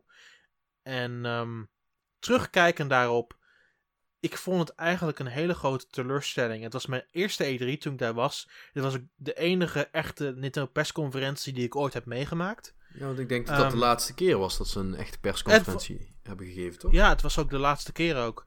Ehm, maar ze, ik vond dat ze niet genoeg lieten zien naar mijn mening. Ze begonnen sterk met Pikmin 3. En daarna dwaalden ze langzamerhand een beetje af met games zoals New Super Mario Bros. U. En Batman ehm, Armored Edition. En Just Dance. En de line-up van Ubisoft. En dat terugkijken, er werden me wel een paar dingen duidelijk. A. De unprecedented partnership van EA, die aangekondigd was een jaar voor dat, is er nooit ergens van terechtgekomen. Nope. En dat is nog steeds de een van de meest, meest ge- gebroken beloftes in de gamesindustrie van de afgelopen tien jaar. ja. En B. Ze hadden 15 minuten aan Nintendo Land besteed. De laatste 15 minuten van de show. ja. Maar, Nin- dat is ook een maar fout. Nintendo Land was echt een super vette game. Ja, maar je moet je voorstellen, Maar- Patrick. Zij spen spendeerde 5 minuten om één minigame uit te leggen. Ja, dat is niet heel erg handig. En toen, en toen dacht iedereen, er komt nog één verrassing. Wat was het? Het was gewoon de vuurwerkshow van Nintendo Land. Ja. Klopt. Dat was een grote finale van de E3 persconferentie 2012. Ja, nou ja, mooi dat ik dat Ja. niet meegemaakt heb dan. Ja, helemaal prima. Niks gemist. Ja, jij Ja. kunt in ieder geval wel zeggen dat je nog een keer een Nintendo persconferentie gezien hebt. Dat kon ik helaas niet zeggen, want toen ik bij de E3 was, ja, toen moesten we op de bank een direct zitten kijken. Wat ook niet heel Dat veel soeps was eh, op dat moment. Nee. Nee. Ik, ik, kan ook niet, ik kan eerlijk zeggen dat, dat buiten E3 2013, 2014 was de Wii ook niet zo heel veel goeds in dat opzicht. Ehm, want E3 de, E3's, de E3's van Nintendo waren niet zo sterk direct na 2013, 2014. Ehm, maar 2012 was wel echt het hoogtepunt waar ze echt heel veel probeerden en een beetje op de grond vielen. Ehm, en dat moesten ze goed maken van, met de rest van de week met game demo's en dat soort dingen allemaal. En ik had ook wel een goede tijd hoor. Ik vond de dingen van Nintendo Land vond ik wel leuk. En ik genoot van een, paar, een aantal van de third party games zoals Zombie U. Maar ik zat wel bij mijn achterhoofd te denken van wat zijn ze in godsnaam nu mee bezig. Ja, niet met de juiste dingen. Maar ja, goed, dat is eh, uiteindelijk eh, wel gebleken aan de verkoopaantallen van de Wii U. Maar Ja. goed, in ieder geval, eh, ja, nou, eh, zoals ze het nu met de Switch aanpakken, daar heb ik iets meer vertrouwen in dat dat wel eh, de goede kant op zal gaan. Nu gaan we naar onze eigen launch ervaringen. Nathan, wanneer heb jij de Wii U in huis gehaald en wat zijn jouw eerste ervaringen? Wat zijn de eerste games die je toen speelde? Wat waren je toen je eerste gedachten toen je bijvoorbeeld de gamepad in je handen had? Ik, eh, ik heb hem in eh, september 2013 gekocht pas eh, met de Wind Waker. Oké. Dat was toen. Toen was er ook net een prijsverlaging. Mhm. En toen heb ik hem samen met Lego City Undercover volgens mij gekocht. Niet slecht. Dat is helemaal Of niet slecht. misschien misschien iets erna, ik weet het niet. Maar in ieder geval, die twee games, dat waren de, de eerste paar games die ik gespeeld heb op de Wii U. Ja, En dat zijn twee games die allebei, vind ik, wel redelijk goed gebruik gemaakt hebben van de, van de tweede scherm. Ja. Zeker Lego City Undercover. Lego City Undercover deed heel veel investigation dingen met dat tweede scherm, wat ik heel erg super cool Precies. vond. En al was Wind Waker in dat opzicht niet evenredig. Het deed nog Nee, steeds, het het deed nog steeds leuke dingen. Ja, het was praktisch om al die dingen op de gamepad te hebben. En ze hadden de game ook wel heel erg mooi opgeschoond en hele toffe dingen ermee gedaan. Zeker, dus het maakte, het ook zeker de moeite waard. Je had ook wel, je had ook wel de, de Wii op een heel goed moment gekocht. Want toen het eerste jaar kwam er eigenlijk maar heel weinig games uit. Ehm, Ja. En ze begonnen echt pas maandelijks een game uit te brengen sinds augustus toen. Dus je Mhm. had wel het juiste moment uitgevonden om toen een Wii U te gaan halen. Ja, precies. En even later ook nog eh, Super Mario 3D World. Daar keek ik ook wel naar uit. Ja, het was letterlijk een maand later volgens mij. Ja, ja zeker. Ja, twee. Ja. Of één, zoiets, weet ik veel. Eén of twee, ja. uit. Sowieso, het was binnen een redelijke tijd dat je al die andere twee games ook nog redelijk kon uitspelen. Zeker. En ik heb Lego City Undercover echt helemaal kapot gespeeld. Het is... eh, ik blijf het gewoon een van de beste Wii U games vinden, zeg maar, die gebruik maakt van de unieke eh, features van de Wii U. Eh, niet alleen touchscreen. Touchscreen werd gebruikt voor de, voor de eh, hoe heet dat? Navigatiesysteem, zeg maar, die Mhm. in het spel zit. Ja. Gyro eh, sensing werd gebruikt voor dus afluisteren van gesprekken en zo. Sowieso had je altijd een kaart op het scherm. ik vond het ook leuk dat ze die gamepad eigenlijk gewoon in het spel hadden verwerkt als de zakcomputer van eh, Chase McCain. Mhm. Was gewoon speciaal voor, die, voor, die, eh, voor dat platform gemaakt. En ja, gewoon top notch. Die ga ik ook gewoon weer opnieuw kopen voor de Switch. Oh, ik ook. Ik vind het een fantastische game. Ik ga dat ook zeker doen. Patrick, wat waren jouw eh, ervaringen, jouw launchervaringen wanneer je dit systeem voor de allereerste keer oppakte? Nou, ik heb het eh, tegelijkertijd ongeveer met Nathan opgepakt. Ik heb het eh, toen tweedehands eh, bij iemand gekocht die de Wii U net een maand geleden gekocht had, omdat hij graag Wind Waker eh, wou spelen. En ja, toen bleek na een maand dat hij er niet meer mee speelde. Toen heeft zijn vrouw tegen hem gezegd ja, die moet je maar weer verkopen. En ja, toen heb ik dus voor een ja, zeer, eh, zeer schappelijke prijs heb ik daar eh, de Wii U kunnen overnemen. Dat was eh, overigens de Wind Waker versie van de Wii U. Samen met, helemaal niet mis, helemaal niet mis. Samen met, met nog drie of vier spellen waar hij bij de Bart Smit nou ja, met de bonnetjes eh 550 euro of zo voor betaald. En ik kon hem zo eh, een maand later voor 400 euro van hem overnemen. Dus ja, nou ja, dat was wel een eh, fijne bijkomstigheid, zeg maar. Dat was een leuke korting. Dus eh, ja, en toen, eh, toen ben ik eigenlijk begonnen. Nou goed, ik, eh, ik moet zeggen, ik heb ehm, eh, de eerste maanden eigenlijk niet zo heel veel toen met de Wii U gedaan. En bij mij begon het pas echt bij eh, Super Mario 3D World. Wat ik overigens ook de beste eh, Wii U game vind die eh, op de Wii U is uitgekomen. Eh, ik vond dat eh, eh, een heel vernieuwende manier om ja, Super Mario te spelen. Ik vond dat gewoon echt heel goed tot zijn recht komen. Ik, ik ben zelf niet de, Ik heb zelf Galaxy 1 en 2 en, en ook Sunshine heb ik wel gespeeld.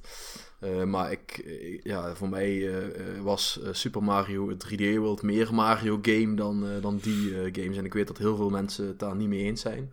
En ik weet ook dat heel veel mensen verwacht hadden dat eh, toen eh, ze eindelijk kwamen met een 3D Mario game, dat dat echt de follow-up van Galaxy zou gaan worden. Maar ik, eh, Ja. ik kan niet zeggen dat ik het, dat ik het vervelend vind dat, dat het niet was.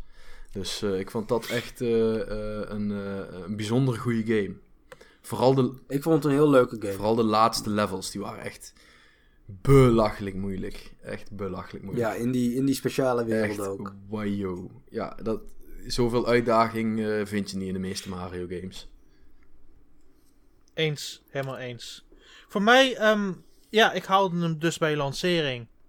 Ik had hem bij lancering opgehaald. En eh, mijn launchervaring was met een heel stel games. En ik had wel ook wel echt een heel stel games aangeschaft. En natuurlijk had ik Nintendo Land en nu Super Mario Bros. U. Eh, daarnaast had ik Assassin's Creed 3.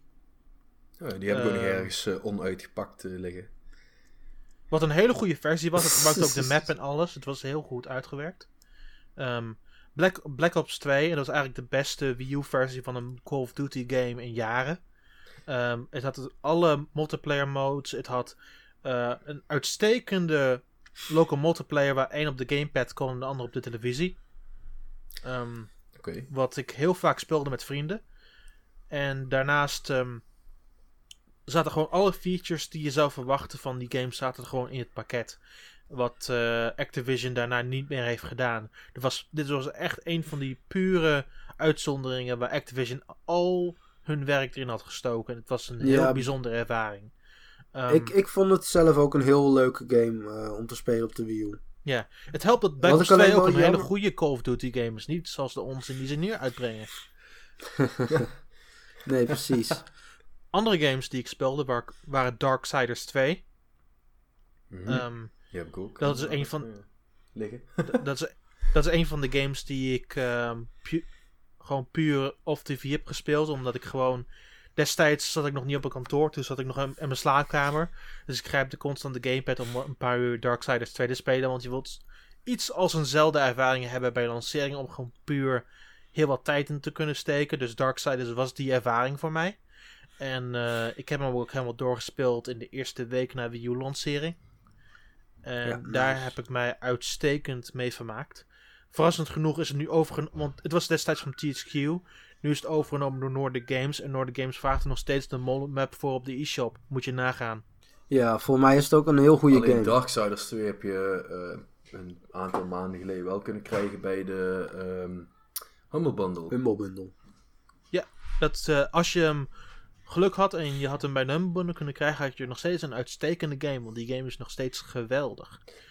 Ehm, Ja, ik heb hem op mijn Wii U staan omdat ik de Humble Bundle gekocht heb, maar ik heb hem nog nooit gespeeld. Dus eh, Zonde. ja, ja, dat zeggen jullie. Ik weet ehm, niet. Ik ben trouwens wel benieuwd of ze Darksiders 1 eh, f- nog voor de Wii U gaan uitbrengen. ja, ze hebben er eigenlijk nog niks over gezegd. Nee, Ik weet het niet. die zou komen. Maar Ja. ja, Ehm, Darksiders andere- 1 andere- voor de Wii U. Ja, ja. Want Darksiders 1 iets met een subtiteleditie. Oké. Ja, die, die gaat dus niet eh, meer komen. Afgelopen... Dat weet ik niet. Dat weten Die we niet. uitgesteld. Ja, maar ja, die gaat nou dus niet meer komen. Ja, je hebt wel gelijk hoor. Ehm, Nou ja, ik- dan maken ze hem voor de Switch, vind ik ook mooi. ja, maar we moeten nog even door, want ik heb nog een paar games van de lancering die ik wil bespreken. Ik had ehm, Skylanders Giants, want toen was ik destijds nog super veel in Skylanders. En Hmm. toen hadden ze nog een wireless portal, die je gewoon met een USB-dongle in de systeem stak. En dan kon je de andere helft gewoon naast je neerzetten. Was super gaaf. Ehm vooral bijzonder op Wii. En dat kun je gewoon gebruiken met Giants toen destijds. En wat ik had toen had gedaan, ik speelde de game off TV en zette gewoon de, de portal naast me neer en ging gewoon vrij spelen op die manier. Dus dat dat- is best wel ingenieus. ja, dus ging gewoon lekker in mijn relaxstoel zitten, portal naast me, een paar figurines naast me en gewoon de hele game doorgespeeld. Ja, dan ben je ook echt portable. Ja. Zeg maar dat je ook van de, van de tv een beetje af kan komen. Zeker, toen kon ik gewoon iets anders doen op de televisie, een eh, film kijken of zo. Ehm, Ja. Toen- ik had ook Sonic, Sonic en All-Stars Racing Transformed. Oh ja, dat hebben we ook nog. Wat ik eigenlijk een betere game vind dan Mario Kart 8. Oeh! Explain. Nou, ben ik het niet mee eens. Leg het uit. Ze hebben één ding hebben ze wel beter gedaan. En dat is dat je een vijfde speler op de Wii U Gamepad kan racen. Ja, maar buiten dat, het waren een goed aantal tracks. ehm, er was een fantastische music-modus en een goed aantal characters. Ik vond dat het ook een heel groot pakket aan aantal aan battle modes. Het was een gewoon een compleet pakket eigenlijk wat ze ons hebben gegeven toen met die game. En ze hebben er al het beste uit de Wii U gehaald. En het is nog steeds een van de betere Wii U race spellen naast Mario Kart 8 en Most Wanted U om. Ik vind dat het racen zelf vind ik een beetje. Ik weet niet, voelt niet heel lekker. Nou, het, ligt, het, opzichte van het- Mario het- Kart. het ligt eraan eh, wat je voelt, uiteraard. Ehm, de laatste twee games. Eén is Tekken Tag Tournament 2 Wii U Edition. Ja, dat was een geweldige game. En dat is nog Ja, steeds een geweldige game. Ik vind dat Namco Bandai er alles aan heeft gedaan om de game gelikt eruit te laten zien op de Wii U. En ze hebben gewoon nog extra content ons gegeven ook nog. Yep. Ja, dat was wel geniaal. Al die extra Nintendo-kostuums die ze erin gegooid hadden. En de Dat, emotes eh, met die mushrooms, geweldig. Ja, precies. Wel, wel bijzonder Ehm. dat, eh, dat ik eigenlijk bijna alleen maar third-party games hoor eh, bij de release van de Wii U. Ja, Ja, omdat ze maar twee first-party games hadden. Ja. Net als bij de en dat waren Nintendo Land en New Super Mario Bros. U, waar we wel uitgebreid en genoeg over hebben gesproken, vind ik. Vooral Nintendo Land hebben we nu al een paar keer genoemd. Ehm, Yes. de laatste dan op de lijst is Zombie U. En Zombie U vind ik persoonlijk... Ik heb er heel veel plezier aan gehad. Ik vond het een hele goede survival horror game. Ehm, maar het had wel korte rondjes dat, technisch, dat er gewoon technische mankementen waren. En dat er een paar glitches waren die ik niet helemaal door de beugel vond. Ik vond Zombie U... ehm, die heb ik uiteindelijk nooit uitgespeeld. Ik, ik vond het eigenlijk niet zo'n heel leuke game. Fair enough. Die game is onlangs je nog uitgebracht op de PC, of niet? PC, PlayStation 4 en Xbox One, maar ze hebben de multiplayer mode uitgehaald. Waar één persoon de zombie, eh, zombie master was en zombies kon plaatsen met de gamepad, terwijl de andere met een pro-controller speelde op de televisie. Oké. Klinkt wel interessant. Ja, je kunt, ehm, als je nog een Wii U hebt, je, voor mensen uit there, je kunt gewoon Zombie U voor een prikkie kopen voor 5 euro of zo. Dus dat is helemaal niet duur. En je hebt nog steeds een uitstekende ervaring voor, plus die multiplayer mode. Ik vond trouwens die ene, die ene modus die ze erin hadden gestopt, waarbij je eh, met de camera jezelf een soort zombie kon maken. Mhm. Hoe heette dat nou? Eh, de zombie capture mode. Ja, zoiets. In ieder geval, dat was wel. Dat vond ik wel een leuke, leuke feature. Vond ik Die grappig. ook, die ook eigenlijk alleen op de Wii U te doen is. Want Xbox en PlayStation hebben niet standaard een camera. Zeker, zeker. Maar ja, dat waren onze eh, launch-ervaringen. Ehm, en wij zijn allemaal uiteindelijk, waren we dus in 2013 aan de Wii U gekomen. En dan is mijn volgende vraag eigenlijk: vonden we dat Nintendo daadwerkelijk grip had op de Wii U? Ja, ik vond van wel. Want eh, Nintendo wist eigenlijk toch wel eh, ieder jaar een aantal AAA-games uit te brengen. Ehm, als je ook gewoon gaat kijken naar de, de overzichten, bijvoorbeeld op Metacritics eh, van de afgelopen jaren, dan zie je eigenlijk pas dat eh, de Wii U minder is gaan scoren in 2016. En daarvoor eh, had de Wii U volgens mij bijna ieder jaar de meeste games met, eh, met eh 8 plus eh, eh, gemiddeld. In Dus 2015 ook niet zo, want ze hadden maar twee of drie games die heel goed waren. Nou ja, maar goed. En ze hadden Devil's Third en ze hadden Amiibo Festival. Eh, Ja, maar ze hadden maar, waren maar drie goede games. En dat Ah, waren Splatoon, eh, Mario Maker en nog één die ik compleet vergeten ben. Maar goed, in ieder geval, eh, zelfs, eh, volgens mij zelfs in dat jaar was het gemiddeld genomen, was, scoorde Nintendo gewoon nog steeds heel erg goed ten opzichte van bijvoorbeeld de PlayStation en de Xbox One. Ja, En ik, ik blijf dat gewoon wel een, een ding van Nintendo vinden. Kijk, de Wii U, er ontbrak gewoon third-party ondersteuning, waardoor de, de gaten tussen de games die Nintendo zelf uitbracht te groot waren. En, en dat, dat heeft ze uiteindelijk gewoon de, doek om, de, de, de das om gedaan. Want ik weet, niet, ik weet niet of ik het daar helemaal mee eens ben. Want het ligt ook meer aan Nintendo's output. Als je kijkt naar de 3DS, en dat is ook heel erg afhankelijk van Nintendo's output. Daar hebben ze het fantastisch gedaan. Ik vind dat met Wii U heeft Nintendo heel veel steken laten vallen. Ehm, vooral als je kijkt naar wat ze het eerste jaar hebben gedaan. Ze hebben haast geen enkele game uitgebracht tot Ja. aan Pikmin 3. ja, vooruit het En eerste dat- jaar was dat- matig. En, het, en, en dat duurde tot uit augustus. Toen hadden ze elk, elke maand een game tot aan november. En toen van november tot april 2014 hadden ze ook geen game. Nee, nee, dat klopt. Maar goed, je kunt natuurlijk ook niet eh, eh, eh, iedere maand een AAA-game uitbrengen. En ook geen...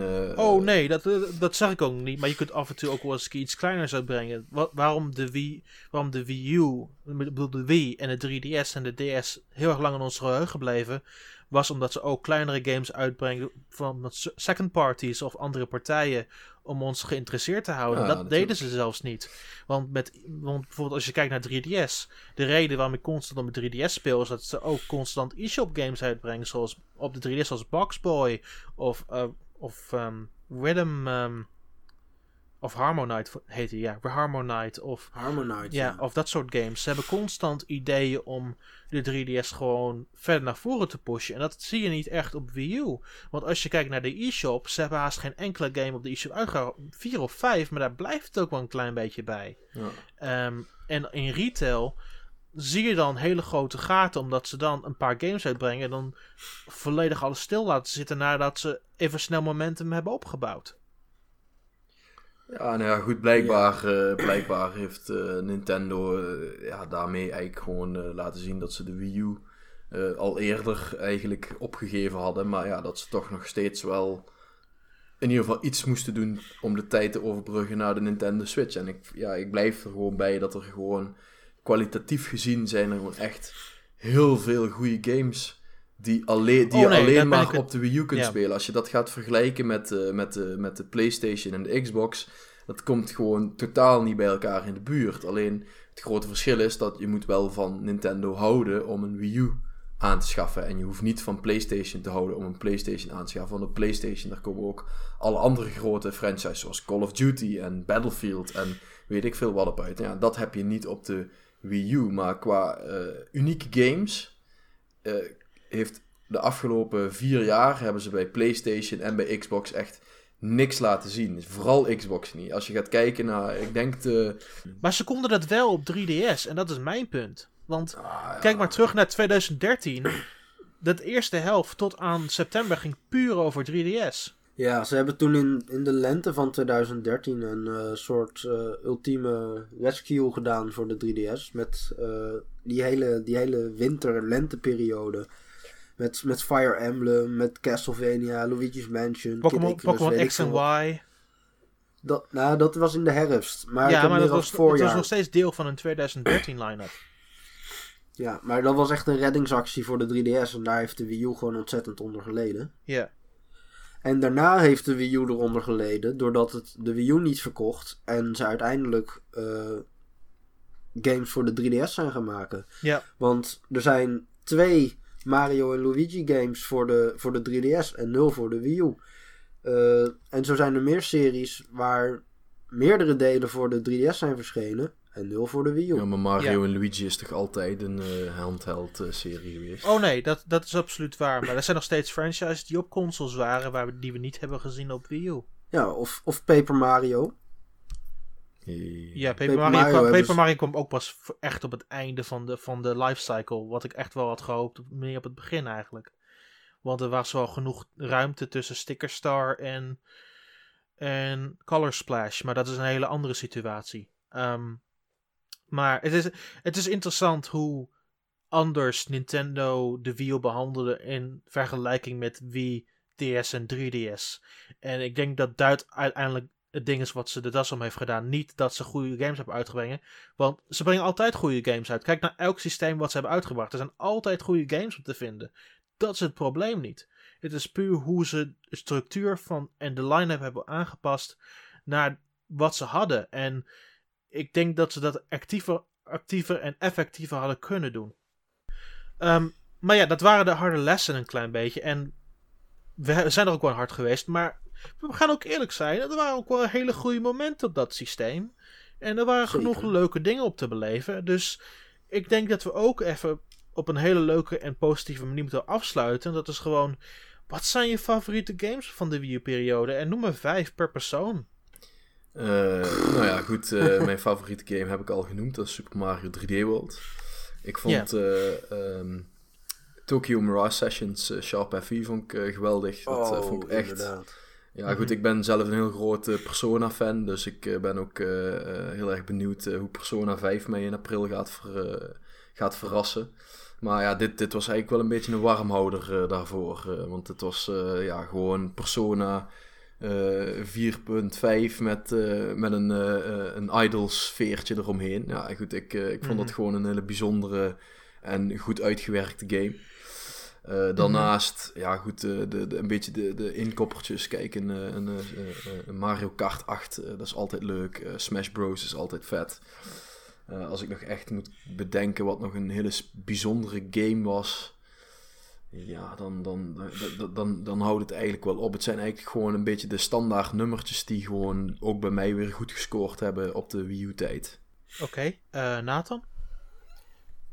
Nou, als je het gaat hebben over, zeg maar, games die alleen op de Wii U eh, mogelijk zijn, eigenlijk. Of eh, anders een beetje teruggehouden moeten worden.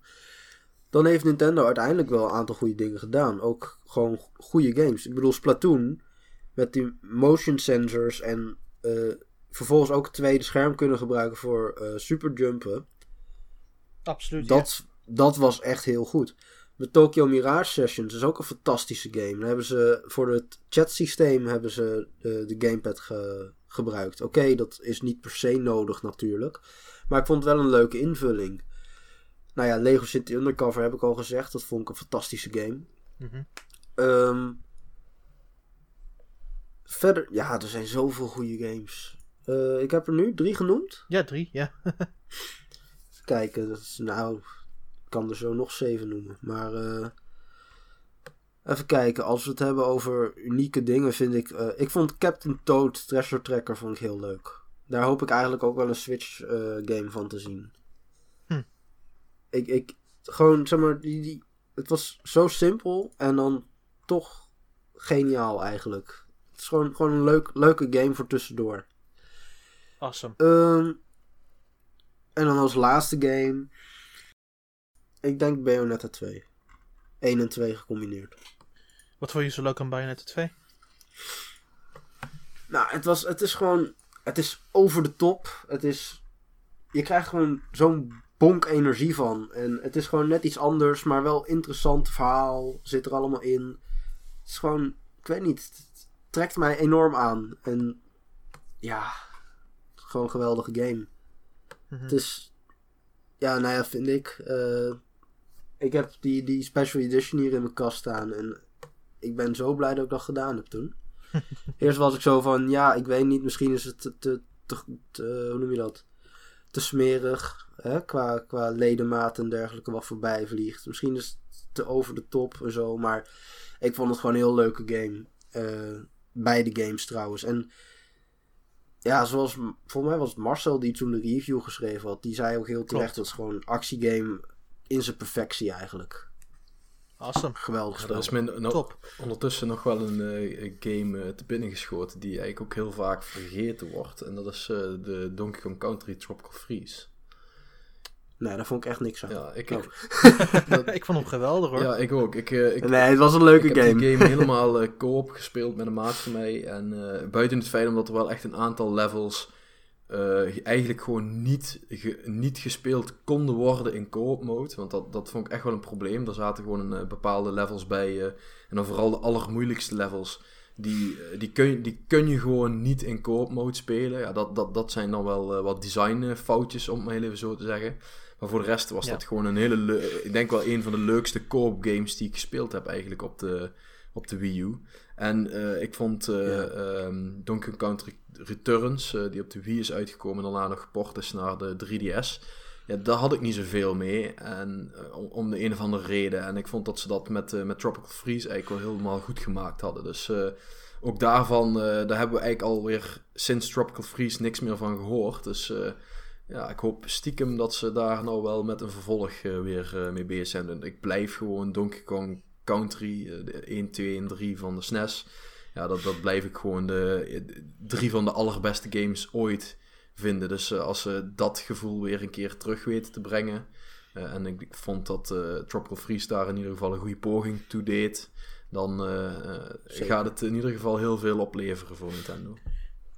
Ik, Tropical, Ik vond- Tropical Freeze had hele, hele uitstekende gemaakte levels. Het was ook een veel, beter, veel betere sfeer dan het origineel. Want de Tiki's vond ik helemaal niks als vijanden. Terwijl Tropical Freeze eh, de Vikingen bracht. En de Vikingen waren geweldig. Ja, die bosgevechten vond ik ook leuk.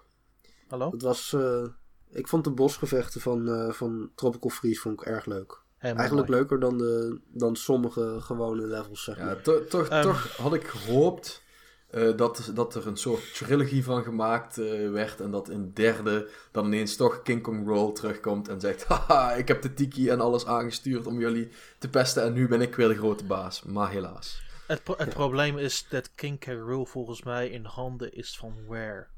Ah, ja, dat zou dus kunnen.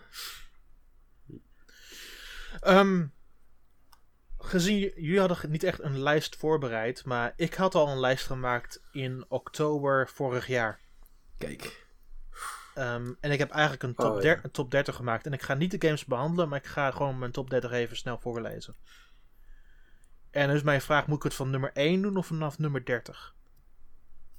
Eh, begin onderaan. Vind je Patrick ook? Ja, ja, zeker. Begin onderaan. eh, Oké. opbouwen, Eh, nummer- spanning opbouwen. nummer 30 is voor mij Tengami. Dat is een e-shop game. Ehm, check it out. Ik ga het niet constant behandelen, wat ben ik aan het doen? Nummer 29 is Pokken Tournament. Nummer 28 is Super Mario The Day World. Nummer 27 is Swords and Soldiers 2. Nummer 26 is Fast Racing Neo. Nummer 25 Project Zero Ga- Maiden of Blackwater. Nummer 24 is Paper Mario Color Splash. Nummer 23 is Deus Ex Human Revolution's Director's Cut. Nummer 22 was Tekken Tag Tournament 2 Wii U Edition. Nummer 21 was Yearwalk. 20 was Zombie U. 19 was We Party You. 18 was Xenoblade Chronicles X. 17e was Skylander Superchargers. 16e Affordable Space Adventures. 15 Donkey Kong Country Tropical Freeze. 14 Need for Speed Most Wanted You. Nummer 13 Super Smash Bros. for Wii U. Nummer 12 Yoshi's Woolly World. Nummer 11 Hyrule Warriors. Nummer 10 Zelda The Wind Waker HD. Nummer 9 Tesla Grad. Nummer 8 Exodium Verge. Nummer 7 Pikmin 3. Nummer 6 Bayonetta 2. Nummer 5 Runbow. Nummer 4 Rayman Legends. Nummer 3 Shovel Knight. Nummer 2 Splatoon. En nummer 1 Tokyo Mirage Sessions Sharp E. FE. Ja. Wow. Van, Super Ik- ik heb Mario World op 29 of 28. Op, Ik- ach- ik, op ik 28 snap Super Mario er niks van. Ik snap er niks van. Ik, ik, ik, vond 28, ik vond 27 games leuker dan Super Mario The Day World.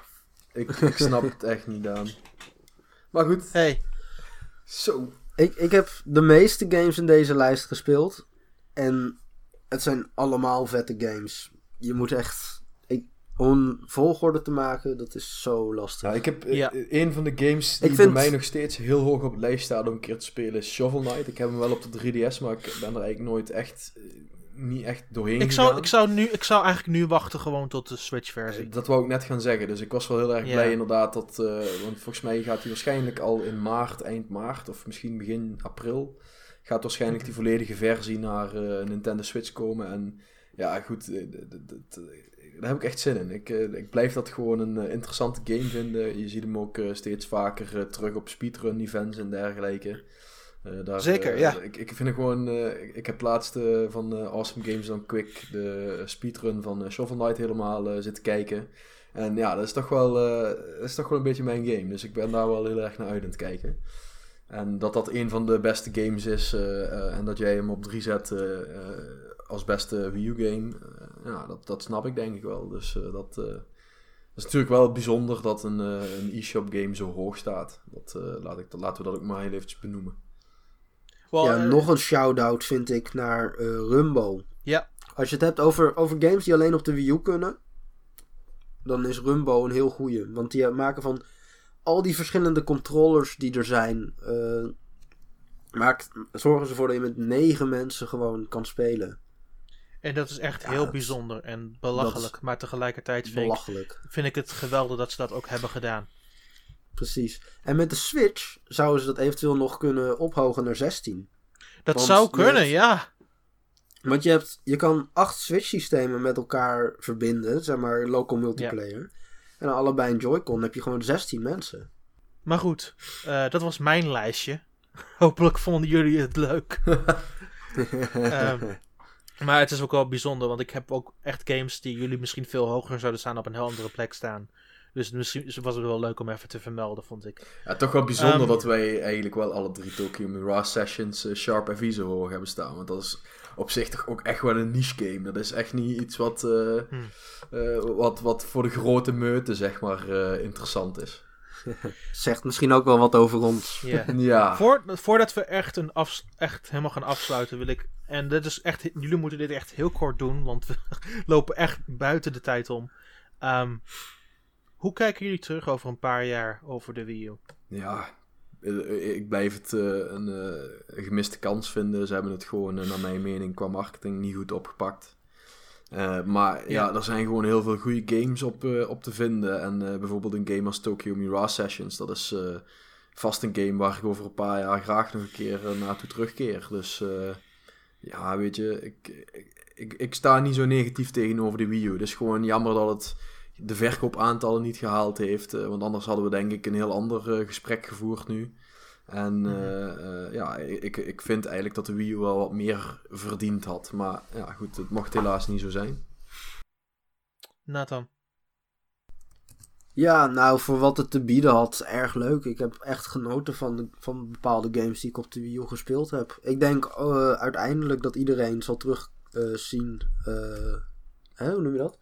Dat iedereen zal terugkijken op de Wii als eh, de machine waar Splatoon op is uitgebracht voor het eerst. En eh, de rest zal uiteindelijk vergeten worden. Maar er zitten echt een, pareltje, een paar pareltjes op deze machine. Ja, Ik, zonde ik, heb, eigenlijk. ik heb er net 30 genoemd, dus eh, ik, ik kan dat Ja. moeilijk ontkennen. Ehm, Nee, maar het, het is eigenlijk heel jammer, want dit gaat gewoon net als de Dreamcast, denk ik, uiteindelijk een cult following Ja. krijgen misschien, maar de meeste mensen zullen het vergeten, Eens. helaas. Ehm, persoonlijk denk ik dat de mensen sneller de Wii U gaan vergeten dan wij denken. Dat, betekent niet dat ik vond dat er te weinig goede games waren, want dat is absoluut niet het geval opnieuw. Ik heb er net 30 genoemd, dus dat is niet, niet het punt. Wat ik denk is dat eh, als eenmaal Switch hier is en het lopende is, dat we langzaam maar zeker Wii U in ons, acht, in ons geheugen gaan zetten en ons gaan focussen op de toekomst. En dan langzamerhand de Wii U een klein beetje aan het oog gaan verliezen. En zeker in vergelijking met wat, wat andere Nintendo systemen ons hebben gebracht. Ja, denk ik ook. Ja, zeker. Helemaal mee eens. Maar goed, sprekend over de toekomst, het is tijd om af te sluiten en verder te bouwen naar het hoogtepunt. En dat is de Switch-lancering, want we zijn nog maar drie weken er vandaan. Drie weken! Ja, het is ongelooflijk. Oh, zelfs precies drie Hoe weken sne- vandaag. Wow, Ja. Ja, hoe, s- Heb ik nog helemaal niet bij hoe snel dat gegaan is, hè? Nice. Het gaat Ja, snel, hè? echt- Het gaat echt snel. Maar eh, ja, we gaan daar zeker nog de komende twee weken nog heel veel over praten. Zeker gezien op een gegeven moment echt spellen ook gaan aanraken op een gegeven moment. En volgende week is er nog zo'n evenement voor het publiek. Ik weet zeker dat heel veel van jullie nog heel veel te vertellen hebben over wat, eh, wat jullie hebben gedaan met Switch en wat jullie er zo leuk aan vinden. Dus eh, ik kijk heel erg uit naar volgende week, want volgende week gaat dan heel erg interessant worden, want dat is echt de officiële ja, Nederlandse première van de Switch. En dan zal iedereen, nou een groot gedeelte van jullie, meer oog hebben voor wat het systeem te brengen heeft. Ehm, Ja, absoluut. dus dat wordt heel erg bijzonder. Nou, we gaan En het eh, meemaken. Ja, absoluut. Eh, in ieder geval voor nu gaan we het vandaag afsluiten. Ehm, zoals altijd, check N1 en Nintendo.nl voor het laatste nieuws, artikelen en wat je maar wil. Ehm, volg eh, Patrick en Nathan op hun respectievelijke kanalen, zoals Twitter. Ehm, wat is jullie Twitter-handles, jongens? At Patsycast. Het Nathan van Ginkel, ja. het is eh doodsimpel. Voor mij is het Nintendaan. Ehm, zoals altijd, ik ben aan Koopman. Dat waren Nathan en Patrick. En we wensen jullie een hele fijne week toe. Ja, Bye geniet bye. ervan. En eh, ja, mocht je op een van de events zijn eh, van Nintendo, dan eh, laat ons zeker even weten hoe het eh, bevallen is. Dat lijkt ons leuk. Tot dan!